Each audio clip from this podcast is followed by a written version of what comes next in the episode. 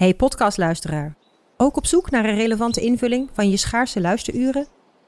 Tune dan in op de podcastserie ESG, even samengevat van BNP Paribas. Wij, Marloes en Aldert, spreken daar duurzame voorlopers en wereldverbeteraars. Waarover dan? Nou, bijvoorbeeld of we ooit duurzaam kunnen gaan vliegen. En waarom koeien in de stad nou een goed idee is? Dat en meer elke twee weken in een nieuwe aflevering. Dus abonneer je. ESG, even samengevat. Al 125 jaar kwaliteit voor jou thuis met Miele. Dat vieren we met jou. Ontvang nu tijdelijk een cashback tot 125 euro op veel Miele-apparatuur. Geniet van de kwaliteit van Miele. Voor perfect verzorgd wasgoed en kleding die veel langer mooi blijft. Voor een stralend schone vaat, even perfect als jouw diners. En een stofvrij thuis waarin echt hygiënisch schoon de standaard is. Check miele.nl voor alle feestelijke aanbiedingen. Hey Anne, zou jij eens willen vertellen wie jij bent? Ik ben Anne Corré. Ik werk op de economieredactie van NRC. Daar werk ik nu zo'n vier jaar. En daar schrijf ik over alles wat met werk te maken heeft. En nog veel meer. En vandaag ga jij mijn werk even overnemen. Ik heb je gewoon van je stoel geknikkerd vandaag. Nou, dan ga ik ook maar snel uit je weg. Dankjewel. Vanaf de redactie van NRC, het verhaal van vandaag. Mijn naam is Anne Corré.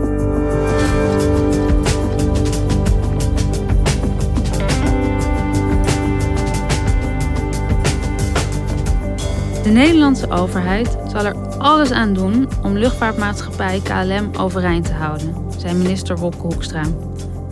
Hij kondigde aan dat er miljarden naar het door de coronacrisis getroffen bedrijf zullen gaan. Waarom hechten we juist aan KLM zoveel waarde? En in hoeverre is de miljardensteun te rechtvaardigen?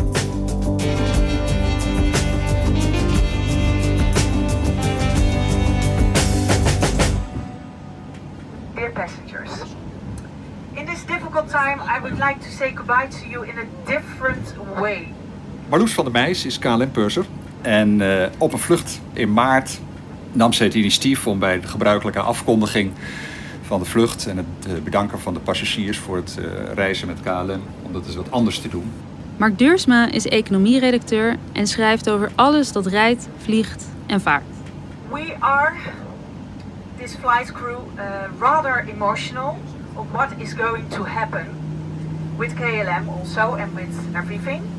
We have a blue heart and we do not know when to show this again to you. Voor haar was het ook voorlopig eh, de laatste vlucht. Eh, en zij besloot om de passagiers te bedanken met een liedje. Nowadays, music brings us together, and that's why I will sing a song to you to say goodbye. And wish you all the best and love, and stay healthy from us, KLM crew. So, this is for you. En zij zong When Will I See You Again van de Three Degrees. When will I see you again? When will we share precious moments? Een van de passagiers maakte daar een opname van. En dat is eh, viral gegaan. KLM-topman Elbers zat bij eh, WNL op zondag. Eh, bij Rick Nieman. En die liet het ook zien.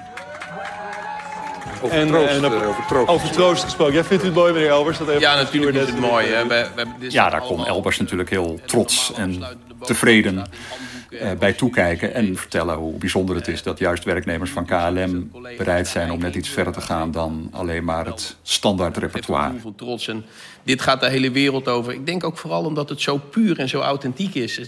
Dit is wat ik voel. En dit is wat ik, wat ik vind Je hoort dat ook het net even is zo'n op dit trilletje, moment. trilletje in de Ja. stem. Ja, het is dat echt is- heel, is- heel mooi. Is super mooi en inderdaad. eh, ja, Net zoals hij dat eerder bij een andere talkshow bij Op1 ook al eh, had kunnen doen. Toen een andere stewardess daar toevallig ook zingend voorbij kwam. Je gaat zometeen eens voor ons zingen. In aanwezigheid van je hoogste baas, eh, eh, eh, meneer Elbers. Dat gebeurt niet elke dag. Nee, het gebeurt niet elke dag. Het is heel bijzonder. En eh, het is echt een warm hart voor iedereen. En eh, in het bijzonder absoluut een blauw hart voor eh, mijn collega's. There goes my heartbeat. Elbers zat aan tafel, die eh, zag je ook mooi blauw uitgelicht eh, toekijken. En ehm, ja, het was bedoeld om alle collega's eh, een blauw hart onder de riem te steken. En Mark, wat, wat zie jij als je deze optredens van het KLM-personeel ziet? Wat, wat zeggen die filmpjes? Nou, die filmpjes die illustreren denk ik wel eh, het, het sentiment wat bij KLM hoort. Dat is heel erg dat blauwe sentiment. Blauw wordt eh, heel erg benadrukt, altijd blauw hart. Overal ter wereld brengt KLM Blauw een warm gevoel met zich mee. KLM Blauw is het gevoel van thuis. Als je mensen vraagt naar hun ervaring of hun sentiment of hun associatie bij KLM, dan, dan hoor je vaak, nou, als je dan ergens ver weg eh, op het vliegveld bent en je gaat terug naar huis en vanaf het moment dat je aan boord stapt, dan voel je je alweer thuis. En dan, ja, mensen vinden het prettig dat, dan, eh, dat ze Nederlands kunnen praten met eh, het cabinepersoneel. En zie je dat ook terug bij hoe de overheid nu reageert? Nou, dat sentiment zie je zeker terug. Dat viel al op bij de, de toespraak van Rutte, die eerste toespraak vanuit het torentje. Heel veel ondernemers staan ineens met hun rug tegen de muur. Vond ik zelf opvallend dat het enige bedrijf wat hij met name noemde KLM was. bloemenkweker, de transportondernemer, de ZZP'er. Maar het geldt ook voor nationale iconen als de KLM. Zo wordt KLM toch ook politiek gezien heel erg beschouwd als een nationaal icoon. Maar ik neem aan dat dat niet de enige reden is dat hij KLM noemde. Want hoe gaat het op dit moment met KLM? Slecht. Luchtvaartmaatschappijen eh, hebben het zwaar. Zijn door de coronacrisis eh, heel snel geraakt ook. Alle maatschappijen overal ter wereld zitten met hetzelfde probleem. Een acuut eh, geldprobleem. Ze, ze, hebben tekort aan, eh, aan liquide middelen om hun lopende verplichtingen te voldoen. Want dat is het probleem. De kosten gaan door. En die zijn hoog. Het is een hele kapitaalintensieve eh, branche. En de, de inkomsten zijn weggevallen. En we hadden het net over dat sentiment. En Rutte noemde het een nationaal icoon, KLM. Wat doet de overheid om KLM te helpen? Steun is onderweg. Twee weken geleden hebben zowel de Franse als de Nederlandse regering aangekondigd dat ze met uh, flinke bedragen over de brug komen. Frankrijk heeft besloten om een bedrag van 7 miljard ter beschikking te stellen voor Air France. Uh, daarvan is 4 miljard is, uh, zijn gegarandeerde leningen in de, uit de private sector en 3 miljard als directe lening van de staat naar het bedrijf.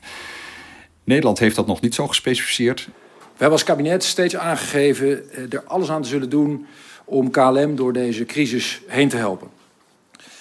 Ik wil u daarom hierbij melden dat het kabinet voornemens is om tussen de 2 en 4 miljard euro aan financiële steun aan KLM te verlenen. Tussen 2 en 4 miljard euro, wat dus een behoorlijke bandbreedte is. En het is nog niet duidelijk hoe die verdeling zal uitpakken. Hey, en hoe nodig is deze steun nu? Stel dat ze deze steun niet krijgen, wat dan? Dan uh, is een faillissement eigenlijk onvermijdelijk. En dat is waarom het kabinet nu ingrijpt. Want ja, KLM als nationaal icoon mag niet opvallen. Dat is, uh, ja, het bleek toch ook weer bij de persconferentie dat uh, minister van Nieuwhuizen van Infrastructuur toch ook weer de woorden blauwe trots in de mond nam.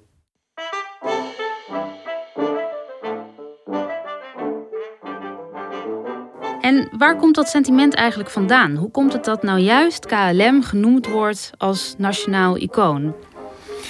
KLM heeft een mooi verleden. Uh, ze zijn uh, de oudste maatschappij ter wereld die nog onder de eigen naam uh, vliegt. Opgericht in 1919, dus vorig jaar is het 100-jarig bestaan gevierd. Dat kon toen nog uitbundig. En waar zag je dat, dat sentiment ontstaan? Al heel vroeg, al, al vanaf het begin. Luchtvaart zal en moet, en dat kan niet anders, als een zeer grote invloed hebben. Albert Plesman, een van de, de initiatiefnemers en de eerste directeur van, van KLM, had al uh, plan voorafgaand aan de oprichting in 1919 om een grote tentoonstelling in Amsterdam te organiseren. Juist om enthousiasme bij de bevolking aan te wakkeren. Het doel waarna wij streven in de luchtvaart om de afstanden te verslaan en de mensen steeds meer bij elkaar te brengen. Luchtvaart was echt iets van de toekomst. Optimisme na de Eerste Wereldoorlog om de landen weer te verbinden. En uh, nou, de verbinding met Indië was natuurlijk belangrijk. En dat is, dat is heel goed gelukt om dat uh, uit te dragen. Van de KLM is geworden tot een nationaal bedrijf waar iedere Nederlander zich mee verbonden voelt. Ja, je zag dat KLM-vliegtuigen uh, weer terugkeren op Schiphol. Dat er dan ook duizenden mensen gewoon op afkwamen om zo'n toestel te begroeten. Dat kun je nu niet meer voorstellen.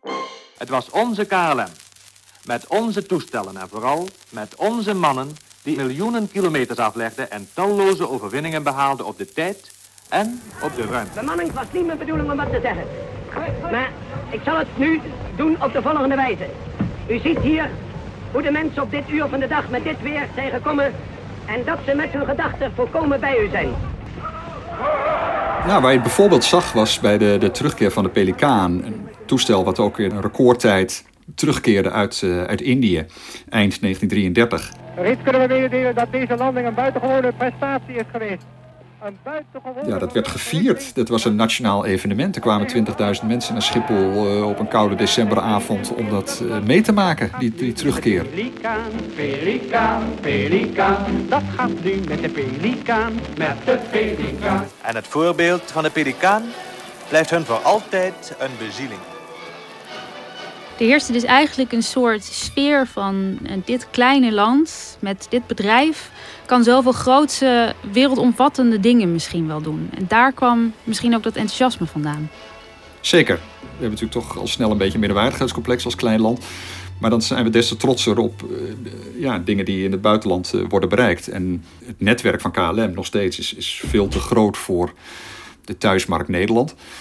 Dus het, het past in die zin niet bij ons. Uh, maar ze hebben het wel voor elkaar gekregen. Hey, en ik kan me voorstellen dat dat voor KLM zelf natuurlijk ook wel goed uitkomt, zo'n imago. Dus buiten zij dat zelf ook uit? Ja, dat hebben ze al vanaf het begin af aan gedaan eigenlijk. Mede onder invloed van uh, Albert Plesman. Die zag ook het belang van, van marketing en reclame. En bijvoorbeeld zo'n hele jarenlange reeks uh, met affiches over de Vliegende Hollander. Wat natuurlijk ook sowieso al een, tot de verbeelding sprekende uh, legende is. En bijvoorbeeld door dan KLM-vliegtuigen te combineren met een VOC-schip... Ja, dan leg je ook weer de connotatie met de ja, soort verovering van de wereld. Maar ook recente campagnes, uh, ja, daar wordt er ook nog steeds op ingespeeld. Dat warme KLM-gevoel beleven. Hey, baby. Welkom op deze wereld. Die lijkt nu nog klein, maar hij is groter dan je denkt. Er komt een dag dat je hierheen gaat. En overal waar je komt ga je nieuwe dingen proberen. De wereld ligt aan je voeten. En waar je in je leven ook heen wilt, we gaan er samen naartoe. Je schetst dus een beeld van een bedrijf dat is eigenlijk al sinds 100 jaar alles eraan doet om een imago van, van samen verbindend, een, een Nederlands icoon uh, te zijn. Dat lijkt met succes, begrijp ik uit jouw verhaal. Zijn die miljarden steun die dan nu worden toegekend, zijn die volledig terug te voeren op dat sentiment? Of zit er wel meer achter? Kijk, het sentiment is de mooie buitenkant. En het, het echte argument is het economische argument. Er is de VVD veel aangelegen om de KLM letterlijk in de lucht te houden. En niet eens vanwege een blauw of een oranje gevoel, maar omdat het netwerk van KLM onmisbaar is voor de centrale functie van Schiphol en dus de centrale plaats van Nederland in Europa. Dat is althans het, uh, het formele argument van, uh, van het kabinet. Ja, precies. Want er zijn natuurlijk mensen die zeggen... KLM, dat, dat is een soort domino-steen. Als KLM omvalt, dan heeft dat niet alleen gevolgen voor het bedrijf en het personeel zelf... maar voor alle steentjes die er ook daarna nog komen. In hoeverre is dat zo? Klopt dat? Nou ja, daar, daar, zit natuurlijk wel wat in. Er zijn flink wat bedrijven afhankelijk, zeker van het, het complex Schiphol uh, KLM. De, de, luchtvaartsector is wel een uh, aanjager van veel werkgelegenheid. Want om hoeveel banen gaat het dan precies? Nou, daar zijn de afgelopen jaren diverse onderzoeken naar gedaan. En daar wordt flink met die cijfers gegoocheld, al naar gelang de agenda van de betrokkenen. Maar het laatste cijfer is van het onderzoeksbureau Decisio. En daar gaat het kabinet nu ook van uit. En dat lijkt een, een redelijke aanname. Is dat het zou gaan om 114.000 uh, banen. Die er in brede zin betrokken zijn bij, uh, bij Schiphol. Bij KLM zelf gaat het om uh, 28.000 banen in Nederland. Kijk, hoe het ook precies uitpakt, die cijfers. Dat er een, een economisch belang is, is evident. Ja, want waar ligt die verhouding nou eigenlijk? In hoeverre heeft de staatssteun te maken met dat blauwe sentiment? En in hoeverre is het echte economische noodzaak? Kijk, het, het economische argument is zonder meer primair. Dat is de reden om deze reddingsoperatie in te zetten voor de overheid. Maar dat sentiment speelt wel degelijk een rol. Die verklaart waarom juist dit bedrijf zo ruimhartig en zo snel ondersteund wordt.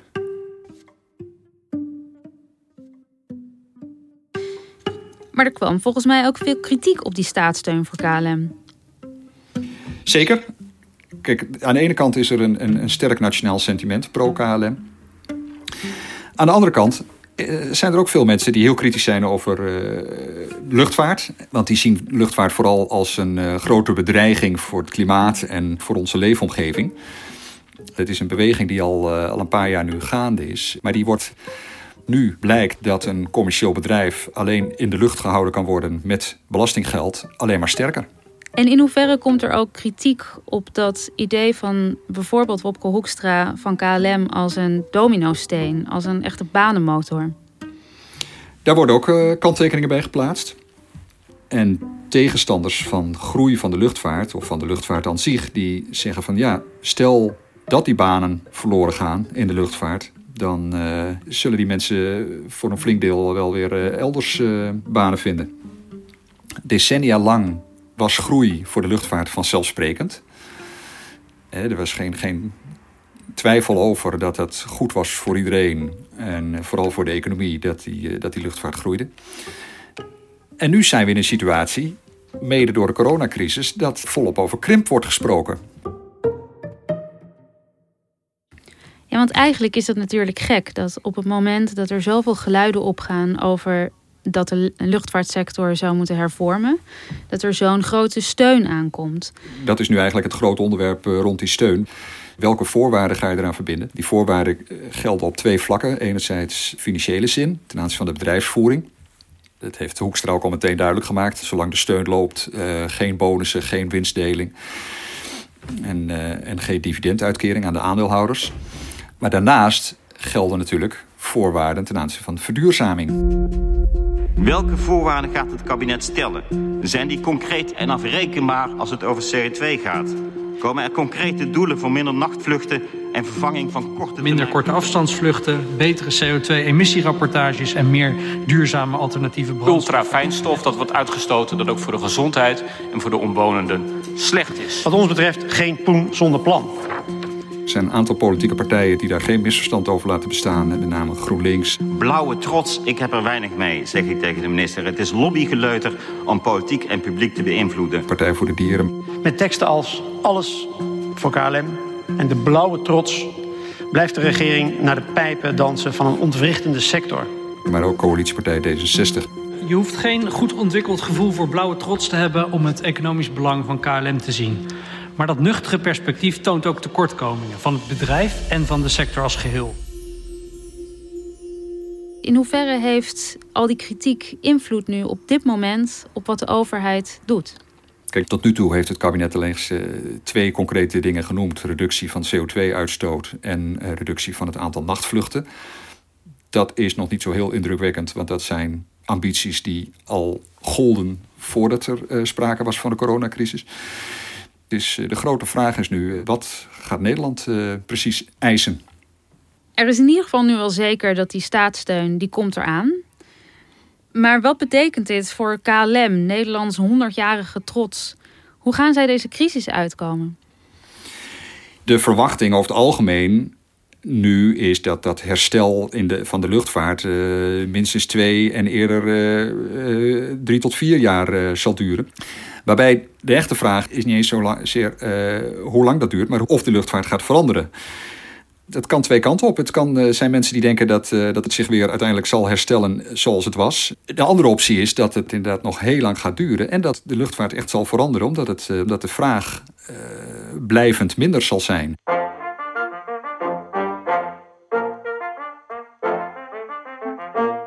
Maar we hebben het nu natuurlijk een hele tijd over dat echte sentiment wat bij KLM past gehad.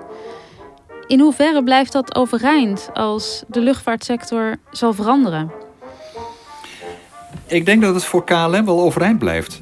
Kijk, zelfs als KLM gedwongen door de coronacrisis zal moeten krimpen of heel erg moeten veranderen, dan blijft dat sentiment waarschijnlijk intact, omdat het heeft al 100 jaar overleefd het heeft zelfs de, de overname door een Frans bedrijf overleefd. We praten liever altijd over een, een fusie tussen Air France en KLM dan over een overname, wat het, uh, wat het is.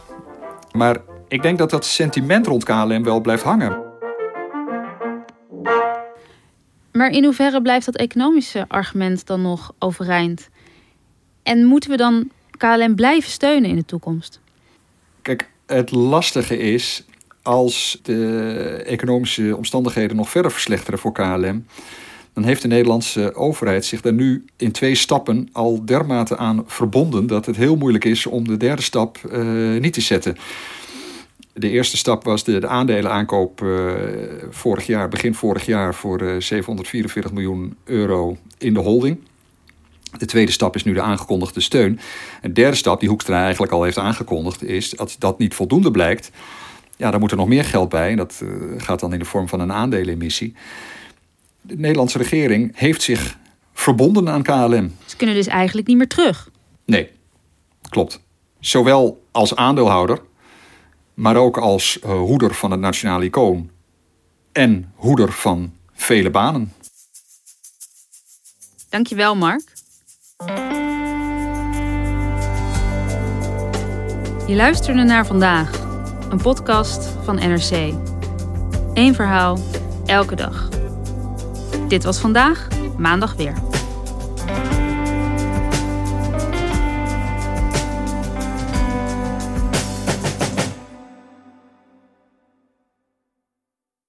Technologie lijkt tegenwoordig het antwoord op iedere uitdaging.